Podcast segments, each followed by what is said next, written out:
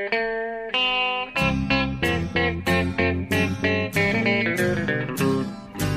out there, we're on the air. It's hockey night tonight. Tension grows, the whistle blows, and the puck goes down the ice. The goalie jumps and the players bump and the fans all go insane. Someone roars, Bobby scores at the good old hockey game. Oh, the good old hockey game is the best game you can name.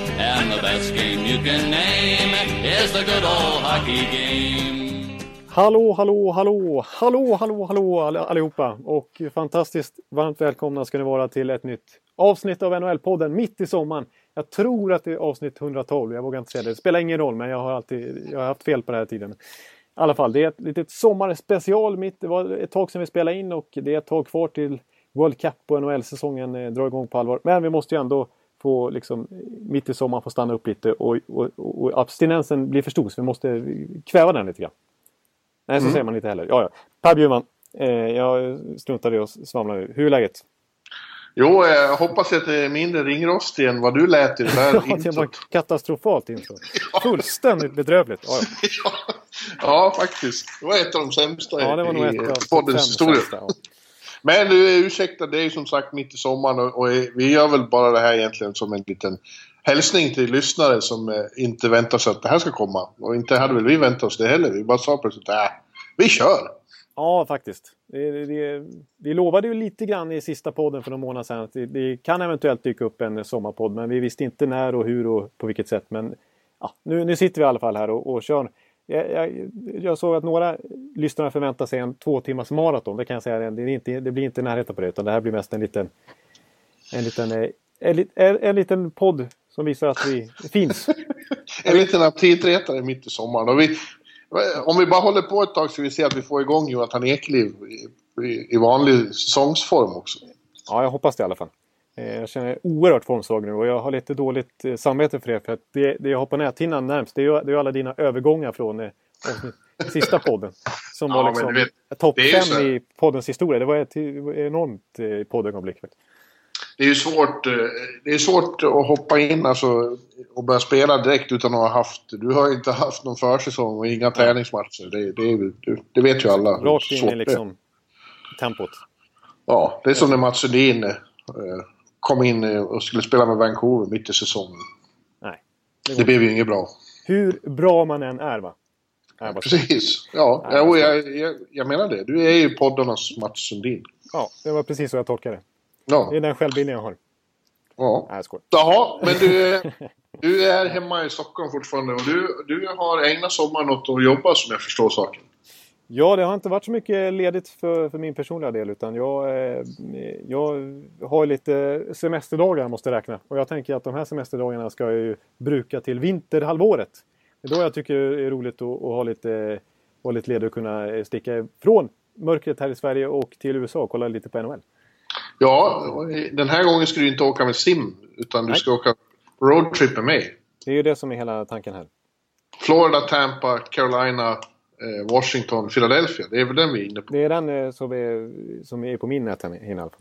Ja. Men har du gjort något annat i sommaren? Du, du är ju skiftledig ibland. Ja, precis. Ibland har jag några dagar liksom. Eh, och det har varit, ja, så lite annat jag har gjort. Jag, min, min klassiska resa till Finland har jag hunnit med. För att ja. fritidsledare för mina småkusiner och prata min finlandssvenska som jag inte kan framnalka på beställning. Det är helt osannolikt. Men när jag är i Finland så pratar jag alltså finlandssvenska. Ja, men du, du kan åtminstone använda ord som inte finns. Framnalka kan man väl inte säga? Eh, nej, men det är jag bra på. Det, det, det kan jag göra oavsett. Hög form eller i, mitt i sommaren så att säga. Frammana. Framana, Fram, okej. Okay. Nej, frammana. Frammana, okej. Okay, ja, det var så pass. Jag är helt ute och snurrar. Ja, ja, ja, men det, och det var trevligt i Finland i alla fall. Ja, det var fint väder och, det, och, och, och trevligt och sådär. Och det har varit en trevlig sommar ett tag. Det är en lite speciell upplevelse här. Inte så mycket att berätta om i en podd egentligen, men, men på väg in till redaktionen för att spela in det här avsnittet så, så hamnade jag i, i samma vagn som eh, Pendeltågs vagn som massa Leicester-fans som har åkt hit för att se match ikväll mot Barcelona i fotboll på Friends Arena. Jaha. Så att jag fick ju stämma in där i Who scores when? He scores when he wants. He scores when he wants. Jamie Vardy, he scores when he wants. Men jag, jag var lite sugen på att ställa mig upp och ta över där. Steven Stamkos, he scores when he wants. Ja. Men eh, jag gjorde inte det. Nej. Har du något engelskt fotbollslag så? Eh, ja, det har jag. Jag har två stycken, det kan man ju inte ha. Men, Nej. men från början var det Manchester City, men jag, jag tycker inte det är så kul längre när de har blivit, eh, när det är en oligarkklubb. Eh, som eh, tappat själen lite grann. Så att jag, min, min grund utgår ifrån att, att jag, jag gillar ljusblåa lag. Jag gillar Lazio, jag gillar City, jag gillar eh, eh, Olympique Marseille och sen. Jaha. och Malmö. Men, eh, eh, men, men eh, nu snarare ett lag som jag, som jag följer lite grann för att jag var på en eh, Londonresa eh, och såg QPR i Championship. Jag skulle snarare kalla QPR för mitt lag just nu. Så Queens Park Rangers? Ja, det Jaha. är mitt lag. Mm. Men Malmö, ja du är konstigt så. Du, du bor i Örby men har inget lag i Stockholm. Du är varken Nej. bajare, djurgårdare eller gnagare. Inte i närheten faktiskt. Nej. Nej. Nej, du är ett udda, en udda fågel. Ja, Det det minsta man kan säga.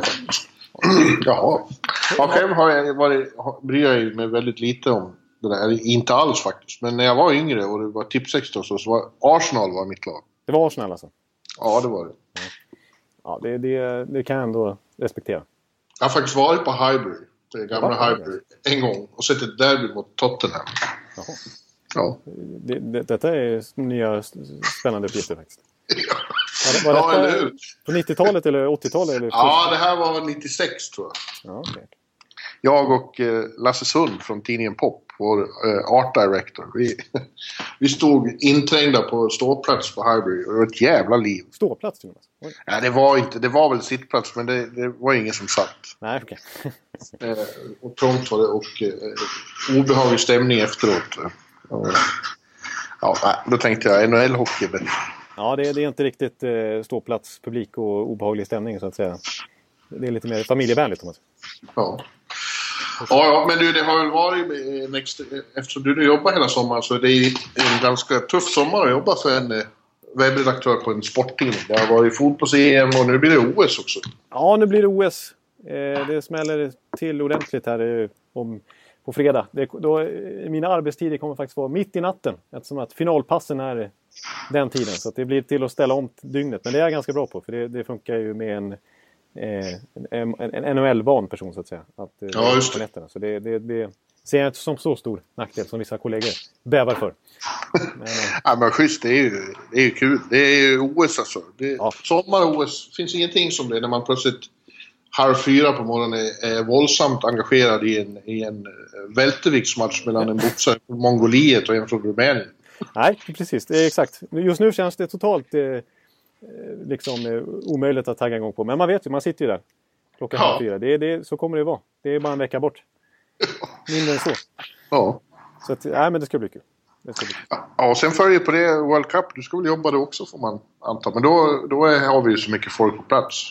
Ja, precis. Ja, det kommer... Det har vi väl i och för sig nu också, men det blir ju... Ja, ja. Nej, men det, det, det ska ju också bli kul. Man har ju, det känns i och med, för min personliga del här när OS kommer upp så, så är, känns World Cup fortfarande långt borta tiden. Men det kommer rassla på snabbt där och snart har vi World Cup. Och du ska ju till Toronto, visst? ja, Absolut. ja. Eh, Så är det tänkt. Och det, det kommer ju bli sjukt intensiv turnering. Alltså. Det är ju kort tid den avgörs på. Jag Ja. tror först, Sveriges första gruppspelsmatcher är tre av fyra dagar. Det är torsdag, fred, torsdag, lördag, söndag tror Ja, jag. Eh, och allt spelas ju i samma arena i Toronto. Liksom. ja i Air Canada Center. Det blir långa dagar där. Det blir som Ja. OS. Ja, just det. Jag kommer leva där, sova där nästan. Ja, men eh, ja, och går man inte till semifinal då, då är det snabbt slut. Ja, då är det roliga över på nolltid. Alltså. Det kan ju re- rent praktiskt vara så att om, gud förbjude, Sverige förlorar mot Ryssland i premiären och åker på däng mot Finland på lördagen, då är det slut på tre dagar. Allt som Ja, vi har snackat upp. Det är ju inte alls otänkbart. Nej. Det, det känns lite märkligt att konstatera, men så kan det vara. Ja. Men det är inte tanken. Nej. Ja, men vi, ja, det känns ju som att det liksom är på gång redan. Sommaren, eh, sommaren eh, det blir en kort sommar. Eh, Ja. jag, eh, senast vi hörde så satt ju jag på ett hotellrum i Palm Springs och vi gjorde... Det var första juli där, eller strax efter Ja, första exakt. juli. Precis. Eller gjorde vi en sen också? Gjorde vi en när jag var i Mm. Tucson? Nej. Nej, ja, det gjorde vi. Vi var nog i Tucson faktiskt när vi spelade den sista. Så kan det ha varit. Ja, ja, jag fortsatte ju där och var på... Eh, roadtrip eh, rätt länge. Jag var Kalifornien och Arizona och Texas och eh, tillbaks Arizona, New Mexico, Nevada, Los Angeles länge. Fantastiskt. Jag älskar Los Angeles. Jag måste flytta dit. Det är så pass alltså? Nej. Nej, det går inte. Vi har ju redan Magnus Sundholm där så. Men eh, det skulle vara, jag skulle älska att bo där några månader. Ja, var, man kunde ju följa dig på, via, inte via NHL-bloggen utan din, din andra blogg här på Aftonbladet. Ja. Eh, dina resebetraktelser och det var en rejäl eh, roadtrip du gjorde alltså. Det var ju bara att konstatera. Och väldokumenterad i eh, fotoväg också till exempel. Ja, ja.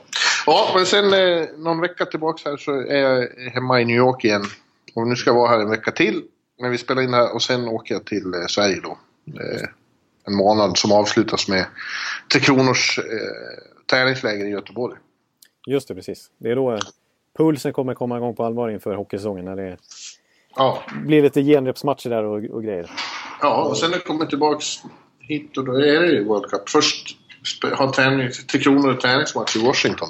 Mot det. eh, Team Europe tror jag det är. Jaha. Alltså, ja. Och eh, eh, det ska bli spännande att se hur många i Washington som går och ser den matchen. Ja, det, Sverige Team Europe en, en onsdag kväll i Washington. Hallå? I september, nej exakt. Det, det känns inte så. eh, Med tanke på att man har sett att biljetter till Team Europe och Tjeckien och så här i princip reas ut, eh, eller ja, skänks ut nästan i, i Toronto nu. Trots att det är hockeystaden och det är liksom de skulle kunna ha två NHL-lag där för att det är så stort intresse så, så säljer de biljetter till vissa World Cup-matcher för typ 60 spänn. Liksom. Ja, ja, det har väl blivit så. Ja, den här är ju en ny turnering och den har inte, de har väl inte riktigt skapat den hås de hade tänkt sig. Nej, Eh, Men eh, jag tror att eh, kanske när den väl kommer igång och så att det blir ett annat intresse. ja det tror jag också. Om Kanada och USA i final till exempel, vilket då kommer det att bli drag. Ja, och det, det kommer att bli ruggigt drag. Det blir intressant att se hur publiken kommer motta det här eh, nordamerikanska laget. Ja, verkligen. eh, U23-laget som spelar i en grupp utan USA och Kanada. De spelar ju med Sverige, Ryssland och Finland. Eh, hur, vilket stöd de kommer ha i den gruppen. Liksom. Från Ja, en rent, plats. rent hockeymässigt så tycker jag de är väldigt intressanta. Jag kan inte låta bli att tycka det. Nej. Det är fruktansvärt spännande lag. Alltså det, när, man, eh, när jag pratar lite med kollegor här på redaktionen som inte är så extremt hockeyintresserade tycker jag att det är otroligt pajigt. Ja, och vad är det för skitlag? De kommer inte ha en chans. Men det är ju ett jättespännande lag på papper. Ett, om man, om man bortser från att det är en konstig konstruktion på det viset så, så eh, på, på många sätt så, eh, så själva spelarnamnen, alltså det här ihopkoket av spelare är ju, är ju ett, ett väldigt spännande experiment på isen. Ja, De var så snabba och så underhållande så jag vet inte vad... ja det, det känns ju som de står i, i, i högst grad av alla är de som är mest eh, moderna. De som Ja. kommer att kunna ha störst förutsättningar att spela modern hockey. Ja, Framförallt att det kommer att gå in i helvete fort. ja det kommer gå fruktansvärt. Ja, precis. Du får faktiskt tillåtelse att, att ta i Ja, när du säger det. ja.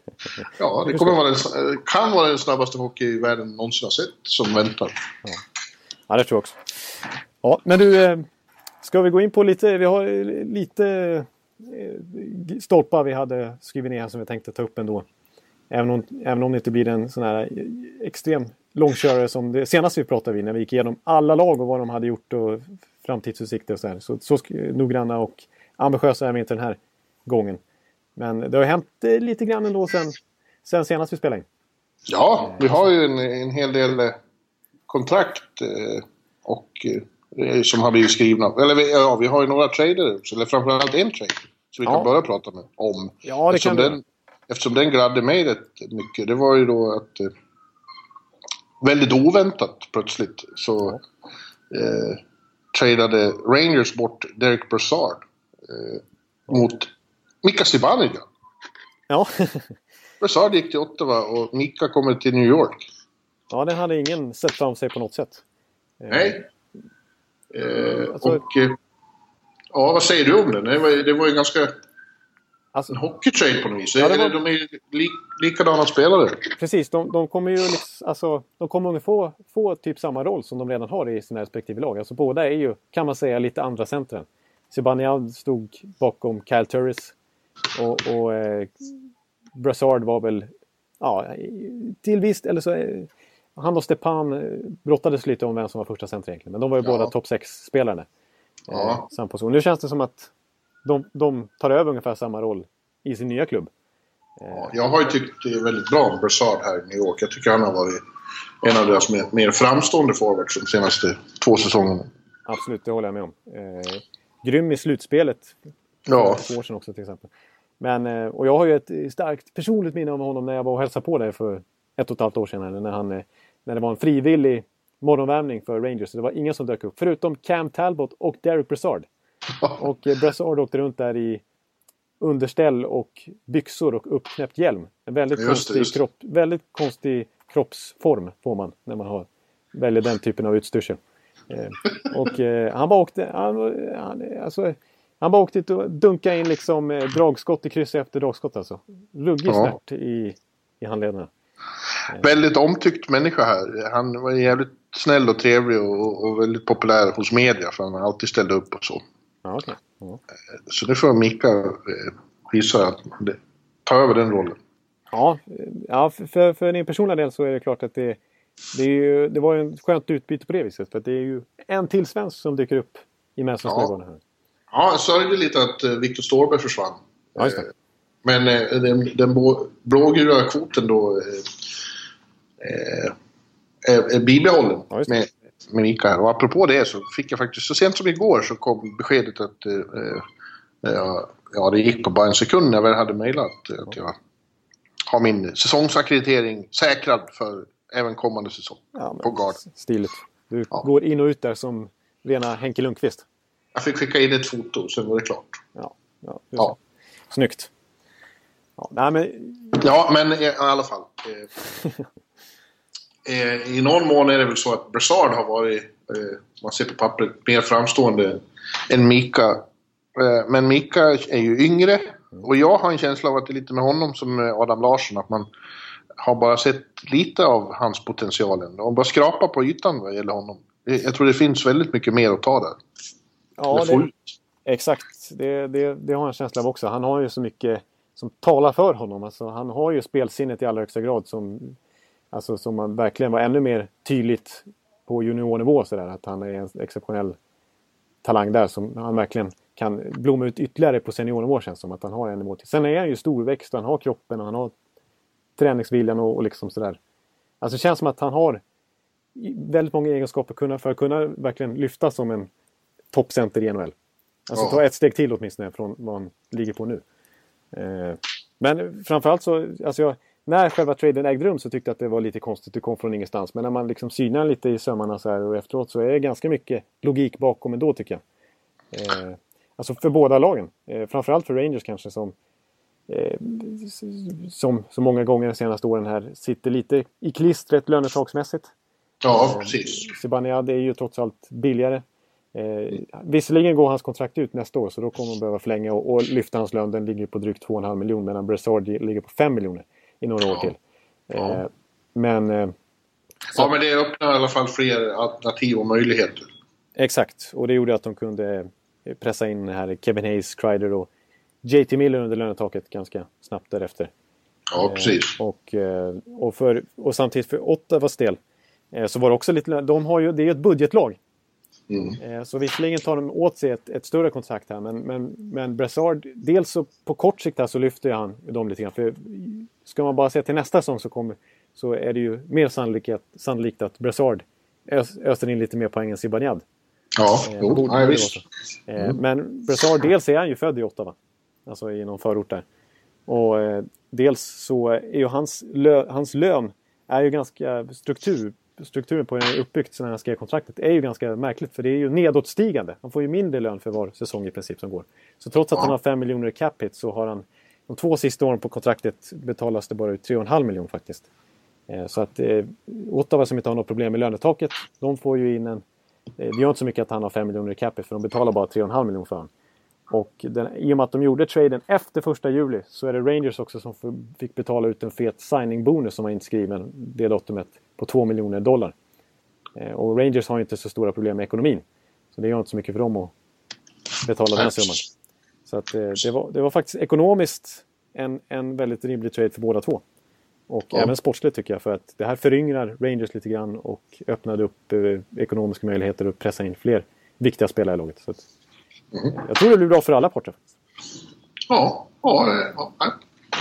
Det känns inte som det är så många som har haft så väldigt starka synpunkter på det heller. Vilket Nej. är så vanligt nu för tiden att alla ska bli så förbannade och, och upprörda hela tiden. ja. Nej, men den här känns det som att även om folk inte riktigt förstod den initialt så känns det som att nu... Ja, det, det fanns en del logik bakom det här. Ganska, ganska praktiskt trade för båda två faktiskt. Ja. Att, bra! Och jag, tyckte mm. också, och jag vill berömma Rangers för en annan signerare som var inne lite snabbt på. Chris Kreider. Som man skrev kontrakt med eh, under 5 miljoner per säsong. Jag vet inte exakt. 4,62. Ja, precis. Eh, och bara fyra år. Och i, ja, alltså, i en sommar där vi har sett hur spelarna har styrt marknaden totalt och det har gödslats 6-7 års kontrakt för spelare som kanske inte förtjänar det. Och cap hits lite högre än vad man förväntar sig så tycker jag 4,65 inte är, är något att, att klaga på för Kreider. Han ska inte ha mer. Och... 4,625. Ja, förlåt. Till och med. Ja. Eh, det tycker jag är hyfsat skäligt för honom. Och bara fyra år för en spelare som är 25-26.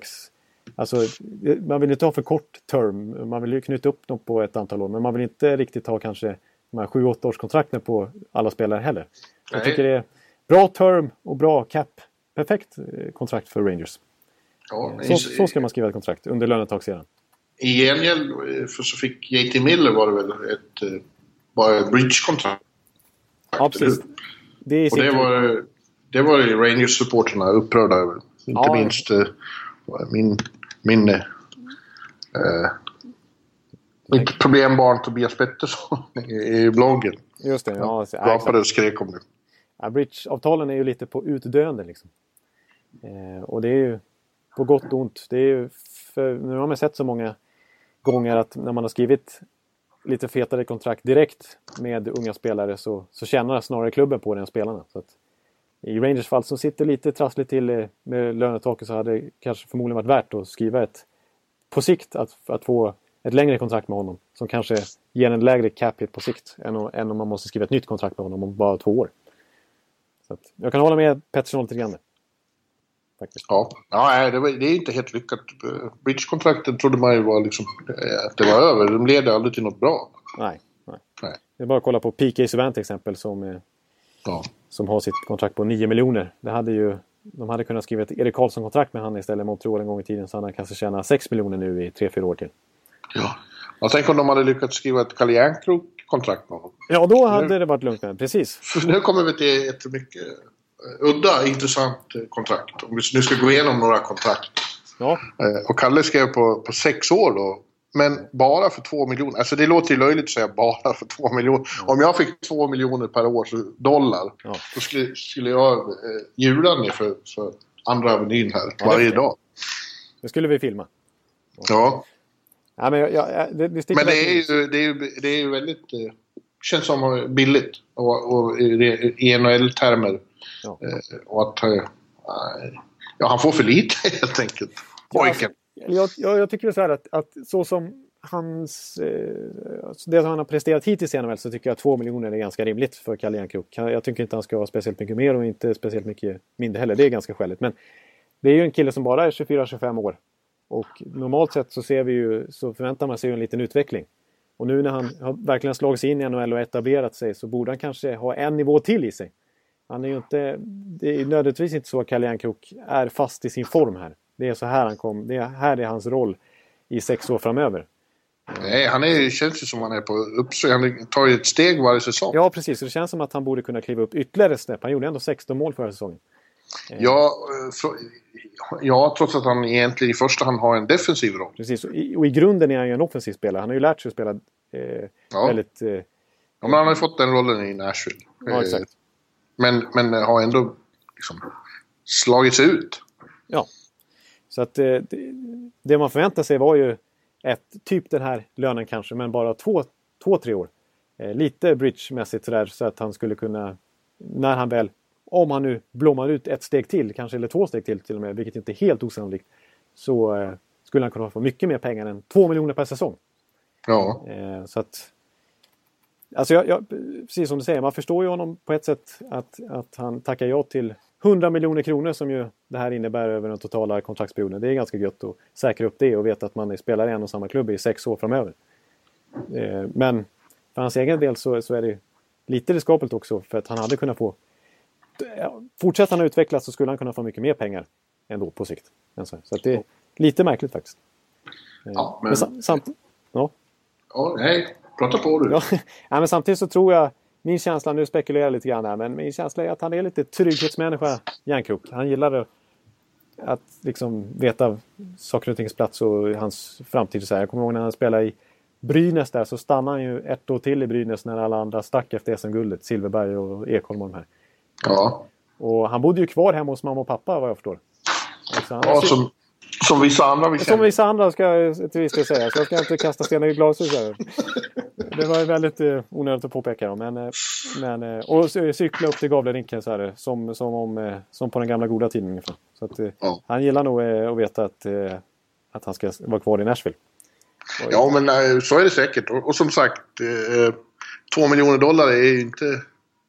Det är ju inte liksom som att jobba på Gevalia och, och packa nej, kaffe nej, sommaren. Utan är, han, han är ekonomiskt oberoende ändå, så att säga. Ja. ja. ja nej, men som, du, som sagt, för Nashville är det ju så himla förmodligen. Exakt, för skulle det vara så att han bara stannar vid eh, en, en, eh, den rollen han har nu ungefär, att han inte tar ett kliv till, att han blir en eh, tredje kedjespelare, tre andra kedjespelare någonting, kan spela både ytter och center i en offensiv eller defensiv roll, så är ju två miljoner fullt överkomligt för den rollen också. Ja. Så att det här, det, det, Nashville är inte beroende av att han tar ett steg till. Vilket ju snarare är mer sannolik, sannolikt att han gör över den här kontraktsperioden än att han tar ett steg neråt i utvecklingskurvan. Nashville kommer att vinna Stanley Cup under hans eh, era. Ja, det är inte omöjligt. Då, ja, jag tror ja. Ja, det har... Nashville kommer att slå Tampa i finalen i vår. Nu är jag ute och cyklar igen. Ja. Ja, eh, eh, ja, vi har ju några till svenskar som... Eh, Viktor Rask till exempel skrev på sex år och fyra miljoner. Ja, precis. Så han har en, förmodligen en väldigt angenäm sommar hemma i, i, i Leksand, på Movägen. Är det där ja? Just det. och... ja, jag, jag, jag, tycker att han förtjänar det. Jag tycker han har gjort det jävligt imponerande. Det var ingen som riktigt hade räknat med att han skulle ens kanske slå sig in i ett NHL-lag. Nej. Eh, men han har ju skaffat sig, han har ju verkligen tagit chansen när han har fått den och visat sig oumbärlig för Carolina. Jag tycker att du är helt rätt. Det var, alltså, man, man, hade glömt bort honom lite grann. För jag kommer ihåg att det var rätt mycket snack om Rask när han var 16-17 år. Och så här, att det var en supertalang de hade på gång där i Leksand. Ja, eh. men eh, bilden var också det... Eh, the word från Leksand var att han var alldeles för långsam och aldrig skulle kunna slå sig in i NHL därför. Ja, just det. Exakt. Och jag kommer ihåg det också. Eh, att då, då, då snackades det om att han skulle gå topp 10 i draften ett tag. Mm. Så, så, när det väl var dags för draftsommaren där så var han inte alls lika högt rankad och hade haft en ganska svajig säsong i Allsvenskan med Leksand tror jag. Eh, och det syntes som de här grejerna som du var inne på att han hade inte riktigt klippet i steget för att Axel liksom sticka ut ordentligt. Mm. Eh, och eh, hävdade sig inte jätteimponerande direkt i Allsvenskan då var han ju bara 17-18 år. Men, eh, och, och, han halkade ner till andra rundan. Men eh, ja, sen, har ju, sen så tog han ju vägen via amerikanska juniorligan och sådär. Och, och har i, verkligen i skymundan slagit sig in i NHL och nu blivit en, en core-spelare i Carolina Hurricanes.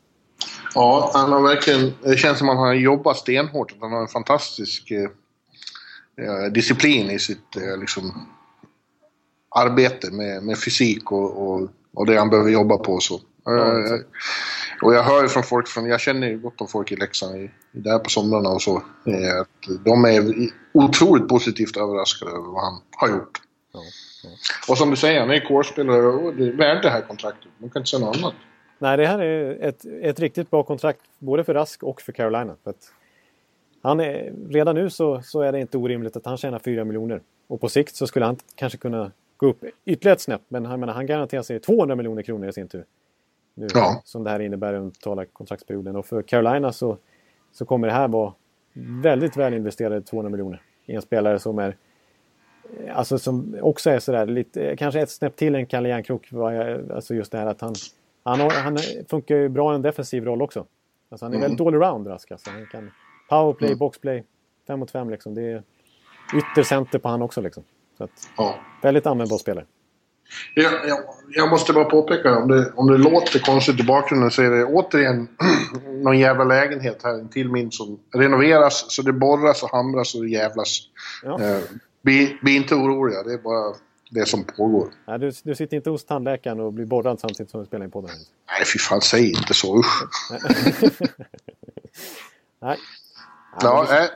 Vi kör på. Vi har ytterligare Marcus Johansson fick till slut tre år. 4,58 och Jakob Markström fick ett eh, treårskontrakt med Vancouver också värt 3,6. De blir eh, rika pojkarna. Ja, det är ganska många svenskar som har eh, fått rejäla löneförhöjningar och liksom sådär. Tryggat ja. sin ekonomi på, för all framtid kan man nästan säga. Det var många som trodde att Washington var redo att skilja sig från Marcus, från Mojo, men nej. Ja, nej, jag håller med. Jag, jag trodde faktiskt det. För jag, jag, var inne på det redan senast vi talades vid för en månad sedan. Att jag trodde att det faktum att de tog in Lars Elle, som jag tycker är ganska lik spelartyp som Marcus Johansson. Ja. Så, eh, kan, spela, kan spela i andra kedjan eller första kedjan eller tredje kedjan liksom, i defensiv roll. Och precis som Marcus Johansson så vet man inte riktigt om han är center eller ytter. Liksom. Nej. Eh, och om han ska vara en scoring line-kedja eller om han passar bättre i, mittemellan någonstans. Men om han ska vara center, eller då, då är det ju klart att Johansson nu är i ytterformen. Ja, så måste det ju vara. För att eh, eh, Kuznetsov är ju andra center i princip. Exakt. Ja, det är ju, precis. De har en väldigt, det, det känns väldigt tydlig struktur där nu. Ja. Eh, ja, jag, jag, jag, tycker så här, jag vet inte. Alltså jag, jag, jag tror han kommer vara kvar nu i, i Washington den här säsongen. Det känns som det. Att eh, de får ihop lönetags, sin lönetagssituation ganska bra ändå. Eh, men sen så kommer det bli lite problematiskt nästa sommar när Kuznetsov ska ha nytt kontrakt och kommer få enorm löneförhöjning. Du tror att Marcus kan komma att bli tradad innan tror... nästa säsong? Innan nästa säsong, exakt. Jag trodde när jag tittade liksom på förhand här att han skulle ryka redan nu i sommar. Men det känns som att de får ihop det ändå till nästa säsong. Och det är ändå ett starkt lag som de har nu så att det är lika bra att köra på med. Men på sikt så kommer Marcus Johansson inte spela ut det här treårskontraktet. Det tror jag inte. Mm. Eh, för dessutom John Carlson ska ha en rejäl löneökning snart också. Så Burakovsky får vi se vad han, hur mycket han förtjänar nästa sommar efter sin komma, sitt kommande år här. När han förväntas ta ett kliv till. Ja, det, det tror jag. Det får jag känslan att han kommer att göra. Han har haft det svåra andra året som var lite svårt i början. Men sen, sen, sen började det se bra ut igen. Ja. ja. Eh, Mark, Markan då? Som sagt, det är, eftersom Miller har väl bara ett år kvar på sitt kontrakt. Ja. Så det börjar kännas som de är inne på att satsa på eh, Markström i, i Vancouver. Ja, precis. Det var, det var lite oväntat för att han hade ju faktiskt ett år till. Han, alltså han, hans kontrakt går ut först nästa år, men de valde redan nu att förlänga med tre år till. Ja. Eh, han blir, skulle ha blivit, visserligen skulle han ha blivit unrestricted free agent nästa sommar. Men eh, eh, ja, det, precis, så 3,66 det, det låter ju inte som en andra målvakt direkt utan det låter som att här, är, här ska vi verkligen ge Markström chansen. Ja. Ja, men det känns ju som att han tog den förra säsongen. När, när han väl fick chansen så var han ju ja, helt definitivt jämbördig med Miller. Absolut, det tycker jag verkligen. Alltså det, det är en extremt vilken sving det har, usväng det har blivit för Markströms karriär det sista året bara. Alltså det kändes ju bara, när sluttampen av Florida-perioden där trodde man ju nästan att hans NHL-karriär inte skulle bli så mycket mer. Att han, det kanske skulle bli KHL på honom eller något sånt där. Att han skulle ge upp drömmen till slut men Sen den här Vancouver-flytten och superslutspel som han gjorde i Calder Cup, alltså i AHL-laget. Eh, så, så, fick ju, så ville ju verkligen Vancouver satsa på honom och de tradade ju bort Eddie Leck för att Markström skulle få platsen som andra målvakt istället. Och sen så under gångna säsongen så var det ju snarare Markström som imponerade än Miller. Och nu väljer man alltså, och sen så han, han har spelat VM för Sverige och han blev, var den första målvakten utöver Henke Lundqvist som fick platsen i World Cup. Ja. Så att eh, nu är har det verkligen vänt för Markström. Och, eh, ja, det är roligt. Jag, jag, jag, tycker som vanligt det är kul när de eh, vägrar ge upp. Biter ihop fast det tar emot kanske. Och, och, sen, och sen lyckas. Det tycker jag är kul. Ja. Är, ska inte helt... Inte helt eh, man är fortfarande lite osäker, osäker på Markström alltså, hur, hur pass stark han kommer stå sig som första keeper i NHL. Men det känns verkligen som att han har börjat förtjäna nu att, att konkurrera ut Miller och Ja. Det känns som att han kommer stå en 50-60 matcher i år, minst från Vancouver faktiskt.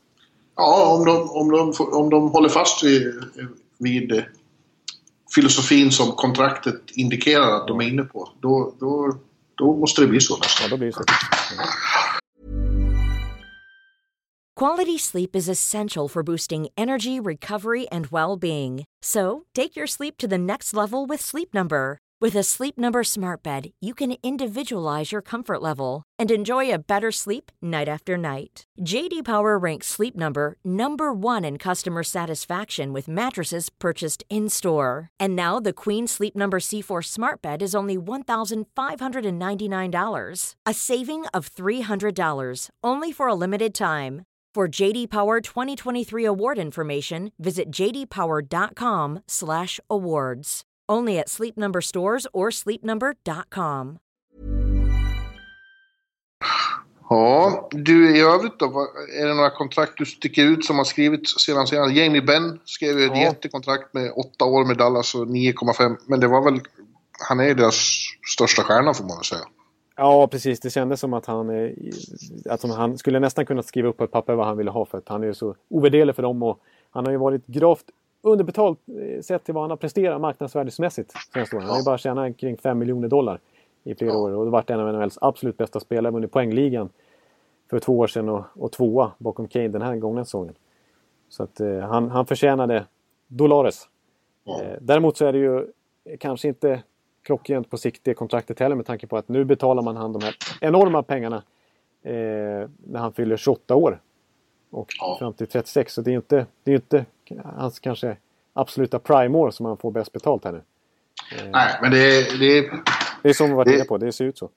ja, det ser ut så. Det är, that's the price of doing business nu om man ska ha den sortens spelare. Alla de man. här 30-åringarna som Andrew Ladd och Lou Eriksson och Brower och Backes och allihopa som uh, var unrestricted free i sommar. De fick ju långa kontrakt med höga capits också. Det är nu de tjänar pengar nästan. Så, så som Ja. det har utkristalliserat sig i NHL med under Ja.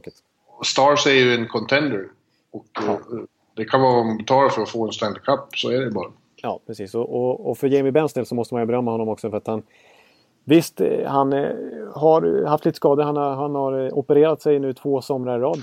Båda höfterna förra året och nu har han någon magmuskel eller liknande som han håller på att operera. Det är lite osäkert om han kommer vara i form till World Cup till och med. Men han har bara missat en match de senaste tre åren. Och Ja. han, är ju, han är, får extremt mycket beröm nere i Dallas därför att han är eh, först, eh, först, eh, liksom, eh, först på isen när det är frivilliga träningar och eh, sliter i gymmet som en galning liksom, och håller sig i extremt bra trim hela tiden. Ja. Eh, missar ju nästan ingen match som sagt. Han är, alltid, han är superledare där. En förebild. Ja. Men du, eh, vi måste ju också titta på eh, att ditt lag, Tampa här, de lyckas också signa upp nu eh, Kilor'n Killorn för sju år. 4,45. Och du måste förklara det här för mig. Det hette ju att om, de, om de signar Stamkos och Victor då kommer det inte bli några pengar över till någon annan. Men de har ju lyckats signa upp alla de vill ha nu. Alltså, eh, ja, det där är ju sånt här kontrakt som inte är speciellt bra. Eh, jag, jag skulle vilja påstå att Chris Kreider och Killorn är ganska likvärdiga spelare. På många sätt. Ja, jag tycker nog Killorn är lite bättre. Ja, Killorn är precis lite snäpp, snäppet vassare. vassare. Effektivare framförallt. Exakt. Och mindre, mindre ojämn. Precis, och Killorn har varit extremt bra i två raka slutspel. Han, han verkligen thrives under pressure. Ja. Stoltserar över vilken otrolig engelska. Jag måste ju slänga in mina konstens engelska uttryck per, några gånger per podd. Eh, men, eh, eh, men som sagt, sju års kontrakt eh, för en kille som är andra, tredje kedjan typ. Det är inte perfekt. Eh, under lönetaksseran, det tycker jag inte.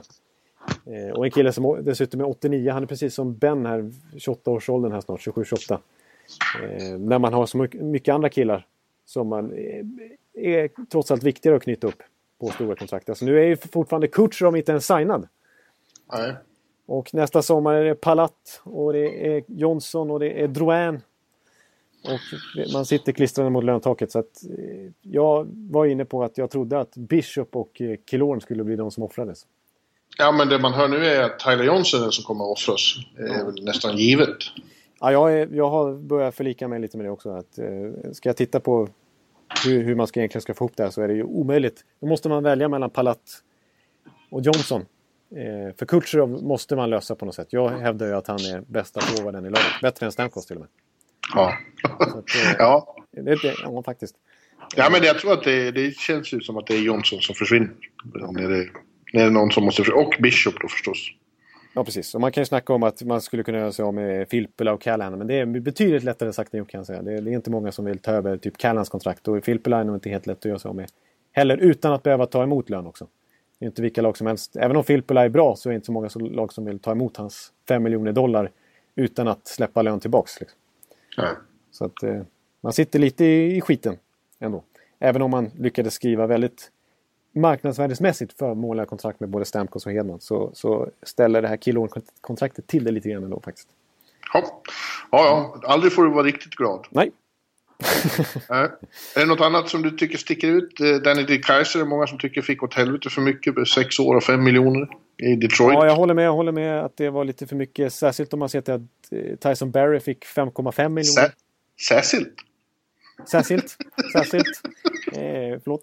Eh, okay, jag, jag väljer att säga så här. Speciellt om man ser till att eh, Barry fick 5,5 miljoner. Jag tyckte han snarare förtjänade lite mer. Ett bra kontrakt för Colorado efter en lång soppa där som såg ut att gå till arbitration. Och, och Roy en gång har kallat Barry för en femte försvarare, ett bäst. Ja, ja, jag vet inte. Det är något med, med Ken Holland som... Eh, eh, när Danny DeKaiser dök upp så kändes han som en potentiell eh, första back Ja. nästan. Ja. Men det har han ju inte riktigt infriat. Men det verkar som att Holland tror på den potential han en gång har sett hos spelare. Den, den tror han det benhårt på kan, kan eh, uppenbaras igen. Ja, precis. Och det känns som att bilden lite i, för, hon, för hans del och Detroit-ledningen är att han fortfarande kan ta stora kliv och så här. Att han, det här är ju en, ett projekt lite grann. Som Ja. fortfarande inte är färdigt. Men han är ju, han är ju lika gammal som Victor Hedman. Han är ju 90. Han, var ju college, han gick ju ut college liksom. Så att det här är ju ingen ung prospect längre utan det här är en spelare i sin prime i princip. Ken Hollands... Eh, allt... eh, Hans bygge bygger på att eh, det är väldigt många unga spelare som tar stora kliv och, kliver ur sina sophomore slumps och annat kommande säsong. Annars får de det svårt. Ja, jag tycker det är konstigt. Han har haft en, det var jag inne på redan senast vi pratade och då har hänt ett till sånt kontrakt har skrivits sedan dess. Alltså han har en konstig förkärlek för att skriva långa, ganska välbetalda kontrakt för typ tredje kedje- brunkare. Alltså Abdelkaders Ja. kontrakt, eh, Helms kontrakt. Ja, Eh, ja. eh, han har skrivit ett långt kontrakt med Luke Glendenning. Eh, och han, han eh, förlängde med Drew Miller. Och han tog in Steve Ott.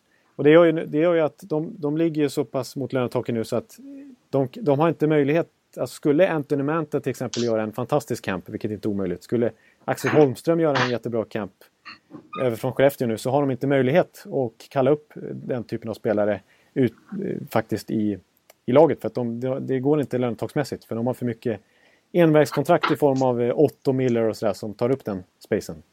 Så ja. att eh, det, det känns inte heller så noga övervägt av Colin, Holland faktiskt.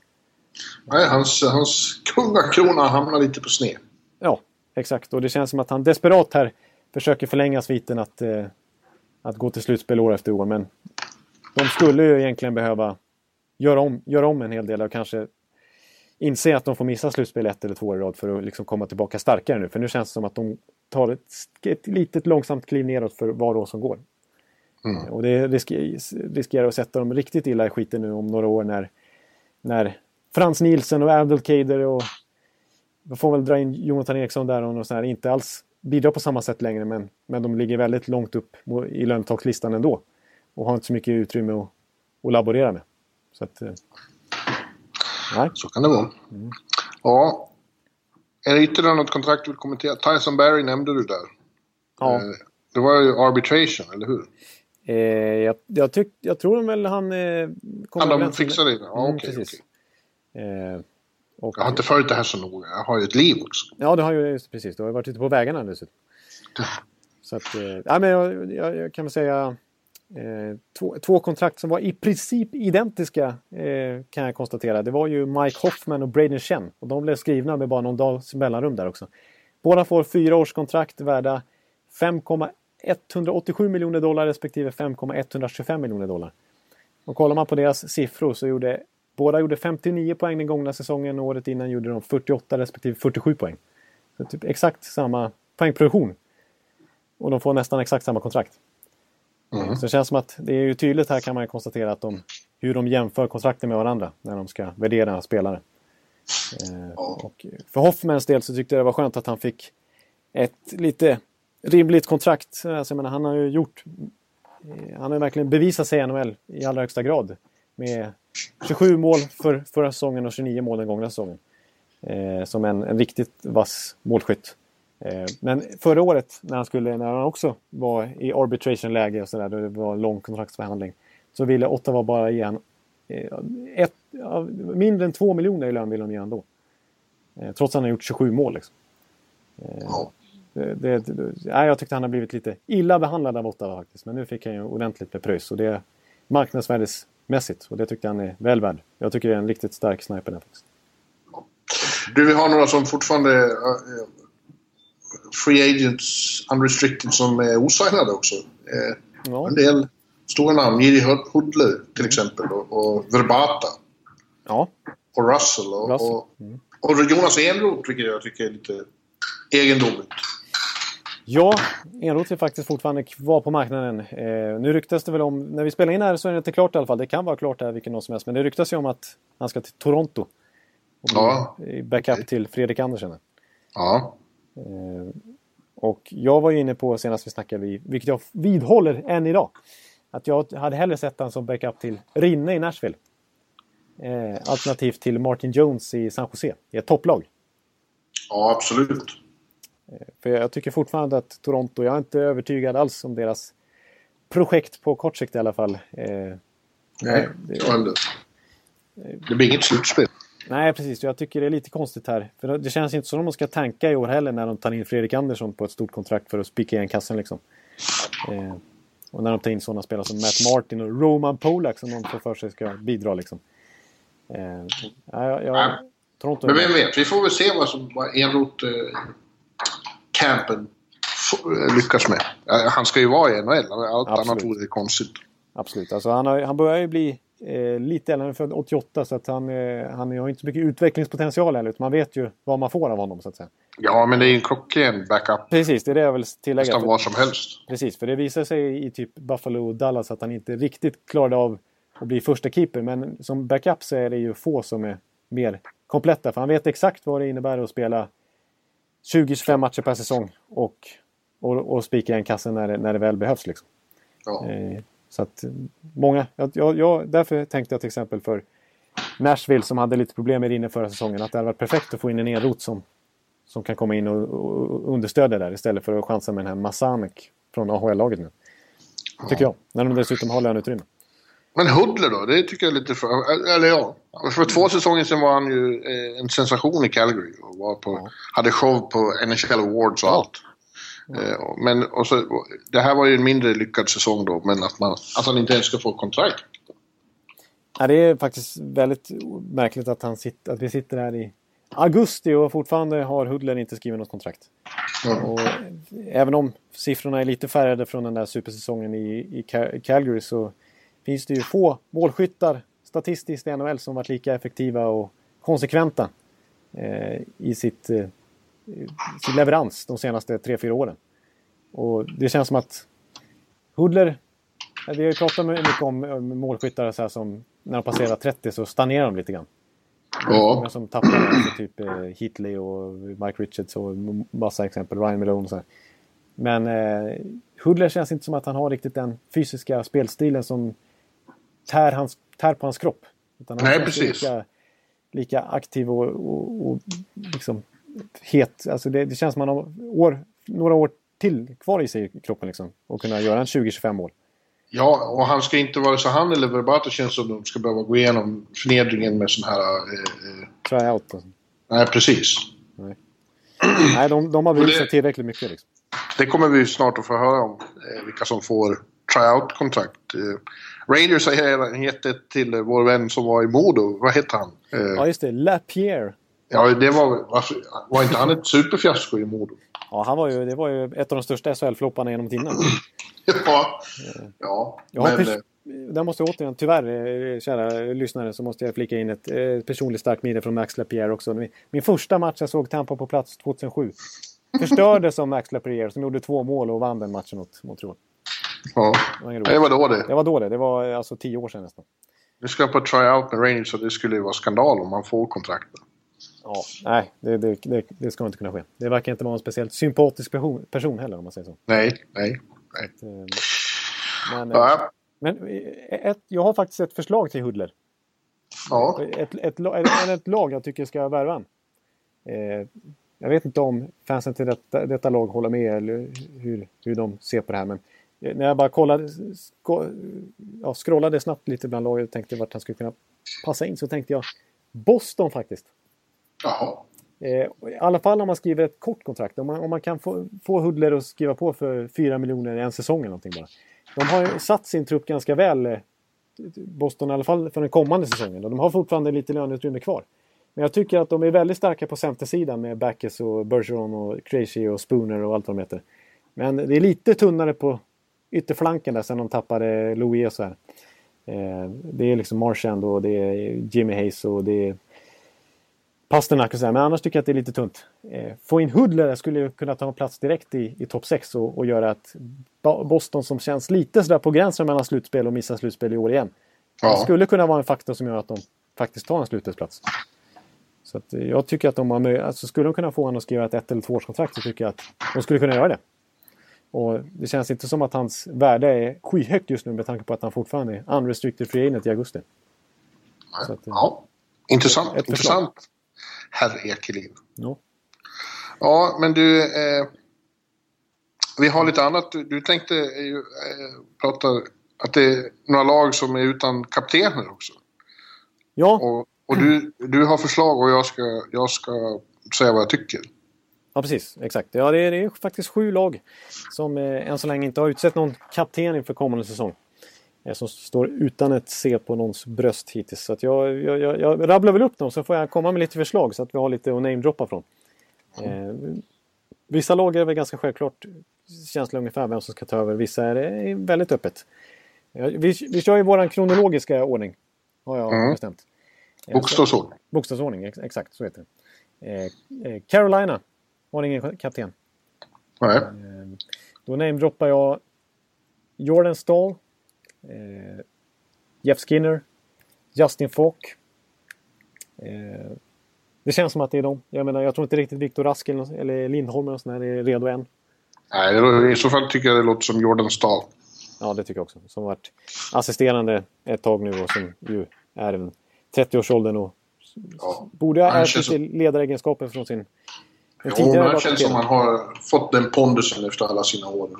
Ja. Har eh, Stanley Cup-ringar och så. Jag, ja, jag tycker jag gillar, jag, jag är, är den person som gillar Jordan Ståhl också. Jag tycker han är bra. Han Ja. får en hel del skit och så här för att han inte... Han, han och Eric Johnson var, var väl etta, tvåa den där draften när Jonathan Taves gick trea.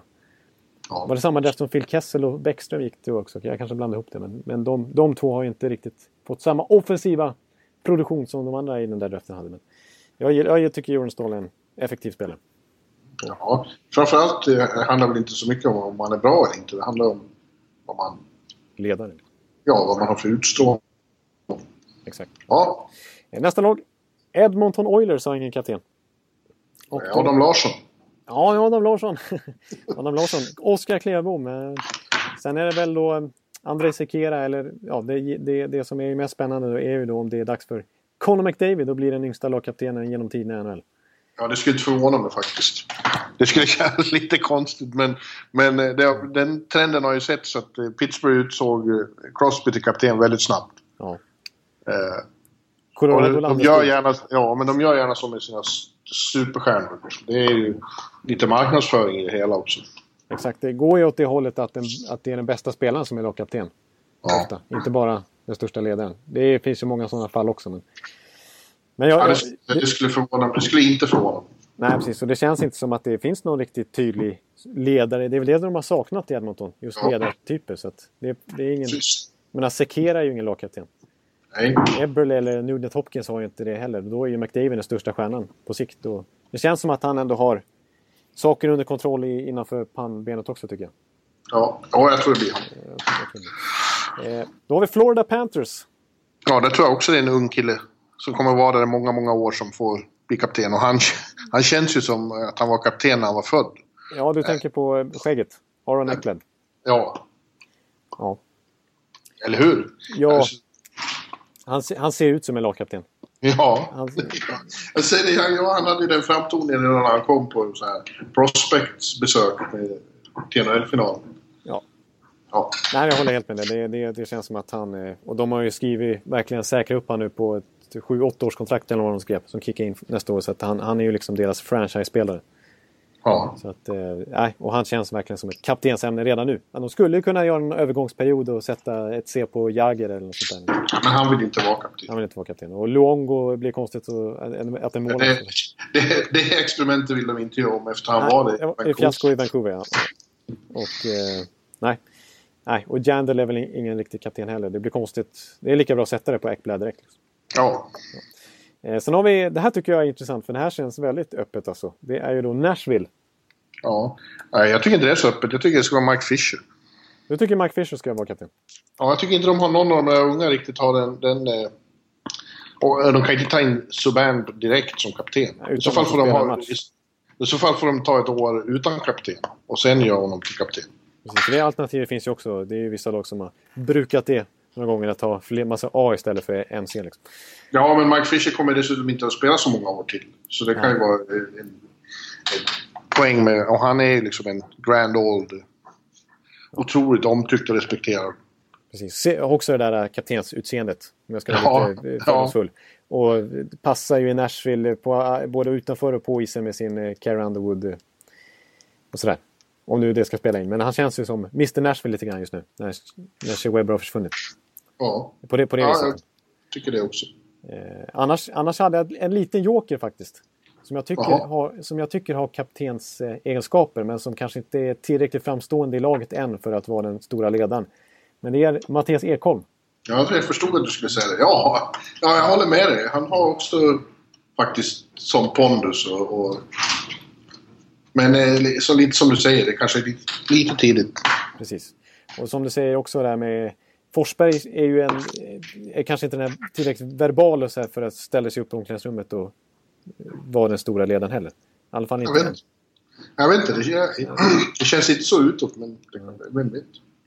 Framförallt inte tycker jag Johansson och Neil de här. Det känns inte som kaptenen. Nej, det vet jag inte. Nej, det, ja, jag kan nog hålla med om att Fischer, så länge han spelar så får han nog vara kapten. Och det tror jag alla i laget skulle respektera också. Absolut. Sen har vi då St. Louis. Där det mesta pekar på att Pietrangelo kommer bli ny kapten. Eh, Det finns ju några alternativ. Eh, Bowman- Alex Sten tycker jag är bra. Tycker jag är, han är en väldigt ledargestalt redan nu i laget. Exakt, han är nästan, han, precis, han är, han är lite åt det hållet. Verkligen i allra högsta grad. Alltså. Eh, Ja. eh, han är, jag tycker, någon tränare tycker jag läst någonstans som har sagt att han är NHLs bästa assisterande kapten. Han kanske är ja. för att bli lagkapten på riktigt. Eh, sen har de har flera, jag menar, Tarasenko är väl kanske ingen lagkapten direkt. Nej, Man ska gå efter, eh, inte. nej, Stasny har varit lagkapten för USA i, i ett OS-turnering tror jag, men det känns inte heller klockrent där. Jaden Schwartz har varit lagkapten för Kanadas JVM-lag en gång i tiden. Men, eh, de har några ledartyper, men jag tycker nog det står mellan Sten och Pietrangelo. Ja, borde göra det. Ja. Jag, jag förstår Pietrangelo för att han är ändå... Han har lite den känslan får man av honom också. Kanske inte så verbal heller i och för sig. Men eh, han är ju lite deras franchiseback på något vis ändå. Eh, men Mm. ja, jag, jag håller med. Sten eh, skulle passa väldigt bra också. Sen har vi ett lag där, där det är väldigt svårt att hitta någon, någon lämplig kapten just nu och det är ju Toronto. ja, jag kände samma sak. Det känns som de nästan får gå utan kapten ett år, va? Ja, precis. Det, det känns som att lite som för Edmonton där att Matthews skulle kunna bli kapten men man kan ju inte sätta C på bröstet eh, både för hans skull och för på, på många sätt på en kille som inte ens har debuterat i NHL än. Nej, det går inte. Nej, det är samma sak. De, de väntar ett år och så får han det nästa år. Ja, precis. För att eh, nej, man kan ju inte ge det till Kadri eller Van Riemsdyk. Liksom, och jag menar, Morgan Riley är ju spännande back sådär som verkar klara av pressen i Toronto på ett bra sätt också. Men han känns inte heller som en kapten. Han har aldrig varit kapten vad jag sett i tidigare sammanhang heller. Så att, och Komarov är väl ingen riktig kapten heller. Tyler Bosak. Tyler Bosak ja. Nej, det är verkligen... De ska inte ens ha ett A på de här killarna nästan. Det, är så pass alltså. Liksom ett A på Caddy. nej, det, nej, det låter som de får vänta ett år och sen ge det till Matthews. Ja, Precis. För, för Matthew känns det däremot som att när han väl har etablerat sig i NHL så, så är han ett kaptensämne. Ja, I, I precis. tidig ålder faktiskt. Ja, där, så, där har vi det. Där har vi eh, Och sen då Winnipeg. Mm. Eh, Sista laget som inte har någon kapten än eftersom att Andrew Ladd har lämnat. Ja, det, de hade väl ingen kapten då i slutet på förra säsongen överhuvudtaget. Eh, och då, då finns det några alternativ. Det är ju Wheeler som har varit assisterande ganska länge. Eh, Shifley, Bufflin, eh, Tyler Myers eller Brian Little kanske. Ja, och Wheeler tycker jag känns som ett bra kaptensämne. Det tycker jag ändå. Mm. Ja, tycker jag. Ja, jag, jag, jag får nog revidera min... Eller Line. Ja, vad skulle du säga? Patrik Line. Patrik Laine, ja. Just det, just det. Ja, nej men eh, Wheeler, det, det känns ganska naturligt att han skulle få den, den rollen nu. Ja, Jag, jag har en gammal, lite, en, en väldigt förlegad bild av Wheeler från, eh, från när han vägrade att spela i Arizona när han kom ut från college och blev bortbytt till Boston var det väl. Så här, då tyckte han var lite divig. Men eh, det. Var länge sedan nu precis. Och vad man har förstått så är ju han en, en professionell eh, typ. Både för media och i omklädningsrummet och, och sådär. Och respekterad i allra högsta grad bland medspelare och sådär. Så att, det är väl naturligt att han blir lagkapten. Big, Big Buff. Buff då? Ja, Ja, Big, Big Buff är väl också respekterad i omklädningsrummet men eh, känns ju lite mer... eh, Man vet inte riktigt vad man kan vänta sig av. Han var ju lite... lite för bohemisk för det. Ja, exakt. Och går upp eh, 10 kilo vikt på somrarna liksom. Och sådär. och som, ja, som mot Evander, exakt som Evander Kane när han kom för sent till någon träning. Så, eh, det var då Ja. han tog hans eh, träningskläder, klippte sönder dem och skickade in dem i duschen och sånt där. Ja. Så att, eh, kanske inte helt stabil eh, ledarskap. För att ha C på bröstet i alla fall. Eh, Nej. Ja, där- Vem tror du blir kapten i Las Vegas så småningom? eh, ja, Paul Stastny. Jaha, ja, vi får se. Det är, lite tidigt att börja fundera på vilka som kommer att hamna där. Men de har ju åtminstone skaffat sig en general manager. Och vem, om inte George McPhee, GM, GM är tillbaka i... Ja, jag älskar det smeknamnet. På scenen. Ja. Eh, en, eh, en lite svåranalyserad general manager tycker jag. Ja, det, var, det slutar ju verkligen inte bra i Washington. Nej, han, han, har ju, han tog sig in på listan över några av de sämsta traderna som har gjorts i NHL-historien. Ja, och, och den som sticker ut är Filip Forsberg. Ja. Eh, trade. Ja. Det som är så sjukt är att, att Washington ändå har vunnit President's Trophy liksom, förra året helt överlägsna. Då hade de kunnat ha Filip Forsberg i laget också. Herregud. Eh, De, de borde ha haft det, men det var ju helt osannolik trade när de skickar... Eh, Martin, de, de tradar bort Filip Forsberg mot Martin Erat. Liksom. Ja. Ja. I desperat eh, förhoppning om att, att, att det skulle hjälpa. totalt fiasko. Ja, men han är ändå en... Eh, han kanske är väldigt bra just i den här rollen och bygga upp ett lag från, från grunden. Ja, det, det, det, det man kan konstatera i alla fall att det kommer att vara ett fantastiskt viktigt jobb han, han har. Ja. Det, han fick väldigt mycket beröm här, häromdagen när han som sin assisterande eh, GM eh, McCrimmon. McCrimmon. Ja. Väldigt gott eh, anseende tydligen. Okej. Ja, McCrimmon som de hämtar från eh, juniorligan där. Ja. Brandon Wheat Kings tror jag det var. Ja, eh, och sen har han ju försökt också få tag i han som är assisterande i Washington nu. Men Washington är inte så pigga på att ens låta Las Vegas prata med honom, vad han nu heter. Ja, okej. Ja, okej. Ja, det, Nej, men det blir ju, som du säger, det är ett extremt viktigt jobb. Först, nu ska de fixa det här, själva ledningen, men sen ska de börja fixa med scouter också. Det är ju också precis, det kommer vara extremt viktigt. Ja. Och, och, och få in rätt personal. För det här är ju verkligen att bygga från grunden. Då måste man hitta rätt personal så att säga som ska lösa det här. Det är ju, oj, oj. Men det, det som är så synd är att det, jag tycker det är så svårt att, att spekulera kring, kring det här laget. Alltså. För det är ju när man ska börja liksom fippla på vilka spelare som ska skyddas i respektive lag så är det så mycket att hålla reda på, så mycket kontrakt och så mycket som kan hända på ett år innan, Mm. innan det faktiskt är dags. Så det är jättesvårt att spekulera i vilka spelare som kommer lira i det här laget faktiskt. Ja, det går inte. De, eh, de tror att de, vad var det nu de sa? Eh, coach kommer de att förmodligen vänta till nyår med att anställa. Men eh, redan då åtminstone så vill de ha en coach klar. Ja, det är ändå rätt tidigt. Liksom. Ja. Ja, Leif det... Leffe Bork, ja. Det är bra, bra namn. Nej, men det är säkert någon som har hunnit få sparken då NHL. Boudreau eller så. Och McPhee tar Boudreau till Vegas. Ja. Ja, Tortorella. Åh, herregud. Ja, Tårta. Nej, men så här Tom Rennie. Usch. Så här, Nej, men det måste vara något roligare. Det måste vara något roligare. Ja. Ja, man tycker det. Någon, någon som eh, passar i Vegas. Ja, precis. Det finns många kriterier som ska funka. Man måste vara väldigt bra och så måste man verkligen ha Las Vegas swagger för att jag ska vara nöjd. Ja, Boudreau. Jag säger ju Ja, Boudreau, det, det, det är sant. Nu hoppas vi att han eh, tokfloppar här i Minnesota. Quenville. Oj. Ja. Ja, det ska mycket till. Men Ja. det, det vore coolt. Men de har inget namn än heller. Och du, du påpekade här för mig att det tydligen är bestämt att de inte... Det får inte referera till spel och betting, till gambling. Och de får inte heta Black Knights heller som de hade tänkt. Nej, det verkar ju vara så att eh, Black Knights, det är väl det här armélaget eller vad det är, som, som han har inspirerat av, som han tycker är så coolt. Han, som Bill Foley, ägaren, är så fascinerad av, som han tycker att, eh, att de ska döpas efter. Men det verkar som att de rättigheterna kan, kommer de inte över att, att kunna sno det namnet. Så att eh, det verkar de inte få heta och de får ju som sagt inte referera till spel och betting. Så att det är ett superförslag på Las Vegas Flamingos. Kommer- Vem har bestämt det? Ja, det är NHL? Ja. Ja. Så Ja, Flamingos tycker jag är supercoolt i så fall. Men det är bara det att det finns ju ett eh, kasino där som heter Flamingo också. Som kanske lägger sig i det. Exakt, där jag har bott. Där jag bodde då. Bodde du på Flamingo? Ja, ja. Ja. det är inte något av de hetaste nu för Nej, det tiden. ska Men det, inget att skryta med. Men... men det har ju fantastisk historia. Det var ju det första riktiga stora på strippen. Ja, ja det märktes. Det, det märktes i, i lukten av inrökt. Ja, det luktar ju mögel. Ja, det var, det var inte så jättetrevligt eh, att bo, eh, sova över där så att säga av luktmässiga skäl.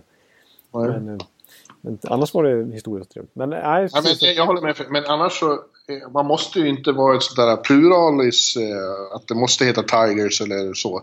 Man kan heta Blues eller Lightning också. Och jag tycker... eh, På det temat så kan de heta Las Vegas Neon. Oj. Neon! Eller Ja, hur? det, det är lite coolt ändå. Det, och det är ju inte... Det, har inte, det är absolut... Det är, det är ju referens till Las Vegas men inte till eh, betting. Nej, precis. Neon! Nej, inte så dumt. Jag, jag, jag, det, det, det tycker jag definitivt platsar på en omröstningslista. Jag Ja. ska ta fram lite förslag. Ja, ja. Eller Desert Rats. Oj då. Las Vegas Desert Rats. Inte, inte, inte det fint också? Nu, nu är jag inte lika imponerad. Nej, nej, nej. Nej, okej. Ja, nej, men eh, det är ju lite... nej, Han verkar ju ha lite ångest i alla fall när Bill Foley för att de inte har döpt laget. För han vill ju börja marknadsföra laget eh, på ett ordentligt sätt nu. Och det är lite svårt när, när de inte har något namn på laget. Han vill ju att Absolut. allt- hel, hela det paketet ska vara klart för det här laget. Att, Tänk eh, om de heter Flamingos. Fan vad coolt det vore. Ja, det vore ju ruggigt coolt. Alltså. Ska de vara, ska de vara rosa också? Ja, det, det, hade, det skulle man verkligen eh, vilja. Men det, det har ju Bill Foley, det är det enda som är satt eh, enligt Bill Foley. Att, och det är lite konstigt tycker jag. Att oavsett vad de heter så har han bestämt nu att de ska vara svarta, guld och silver. Jaha, Eller om det är svart, guld och vitt. okej. okej. Ja, jag tycker de ska vara flamingos med rosa tröjor. Ja, då, då skulle de sticka ut också. Men svart och guld Ja. är ju väldigt eh, in, inoriginellt, ooriginellt. Det vet ju vi som jobbar på Sportbladet. Ja. Det, rosa sticker ut. Ja, det var ju så Sportbladet eh, stack ut en gång i tiden. Ja, Så, att, så att det blev någonting av sportbilagan i Aftonbladet. Så att, eh. Ja, nej, det ska bli spännande. Det kommer vi att få prata om framöver. Vi kommer att prata mycket om Las Vegas framtiden. Det tycker jag är kul. det är trevligt. Ja, det är trevligt. Du, eh, ett som du inte tog upp här i vårt eh, körschema är eh, Bucklan har inte varit i Sverige än va? Jag inte den har varit i Europa, den har varit runt här i Kanada och Nordamerika. Och idag ser jag på Twitter att den är hos eh, eh, coach Sullivan i Boston. Jaha. Och det betyder nog att den åker över Atlanten eh, redan imorgon eller så. Ja, det var en bra slutsats faktiskt. Det måste vara så. Och det ska den ju runt lite. Och som jag har förstått det så kommer den till Sverige i slutet av augusti. Eller eh, runt den 23 sådär. För då, det enda datum jag sett var att Sunken, Oskar Sundqvist ska ha den uppe i, i sin lilla by. Just det, vad kan det vara? Skellefteå någonstans. Nej, nej, Lycksele. Det är, ja, just det. Det är ju just det. Eller är det Lycksele? Vi måste kolla det här. Jag vet ju att eh, det är väl Lycksele som Melker Karlsson är från. Ja, Boden står det här. Kan det vara Boden? ja men jag tror det är Lycksele som... Ja, okej. Jo, Lycksele är det. Det är Lycksele han ska till. Ja, Ja, det höll vi på att prata om hela slutspelet. Att... Eh, ja det var vem som vinner. Nej, vänta nu. Nej, det var ju... Det var ju...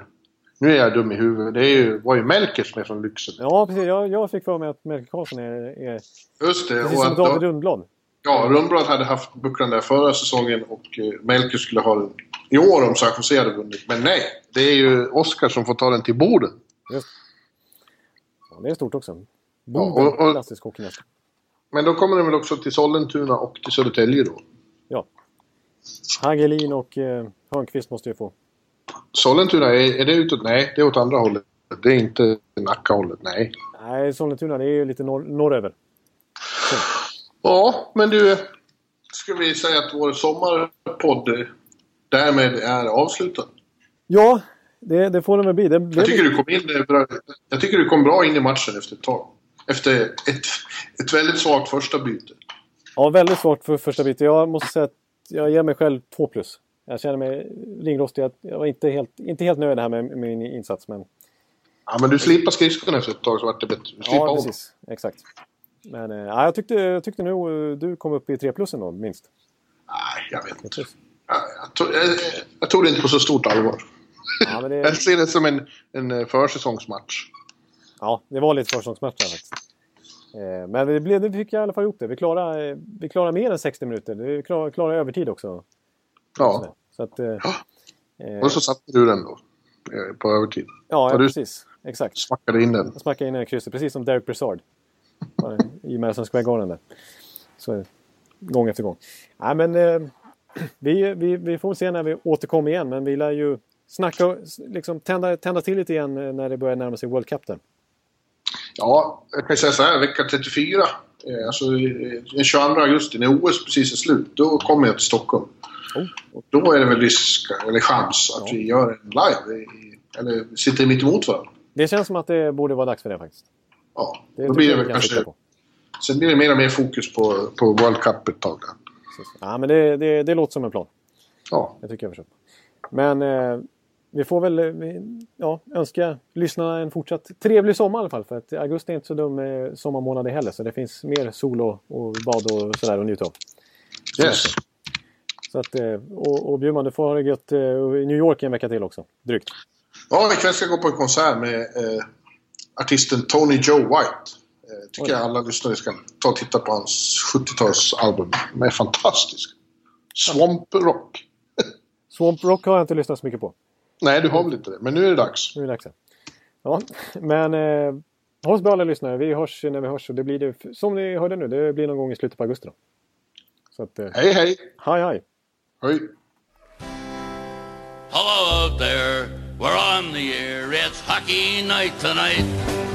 Tension grows, the whistle blows, and the puck goes down the ice. The goalie jumps, the players bump, the fans all go insane.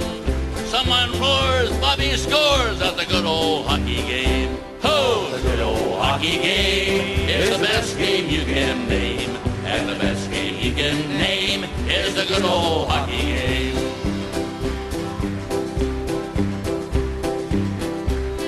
second period. Where players dash with skates a flash, the home team trails behind. They grab the puck and they go bursting up. They're down across the line. They storm the crease like bumblebees. They travel like a burning flame. We see them slide the puck inside. It's a 1-1 hockey game. Oh, oh hockey game is the best game you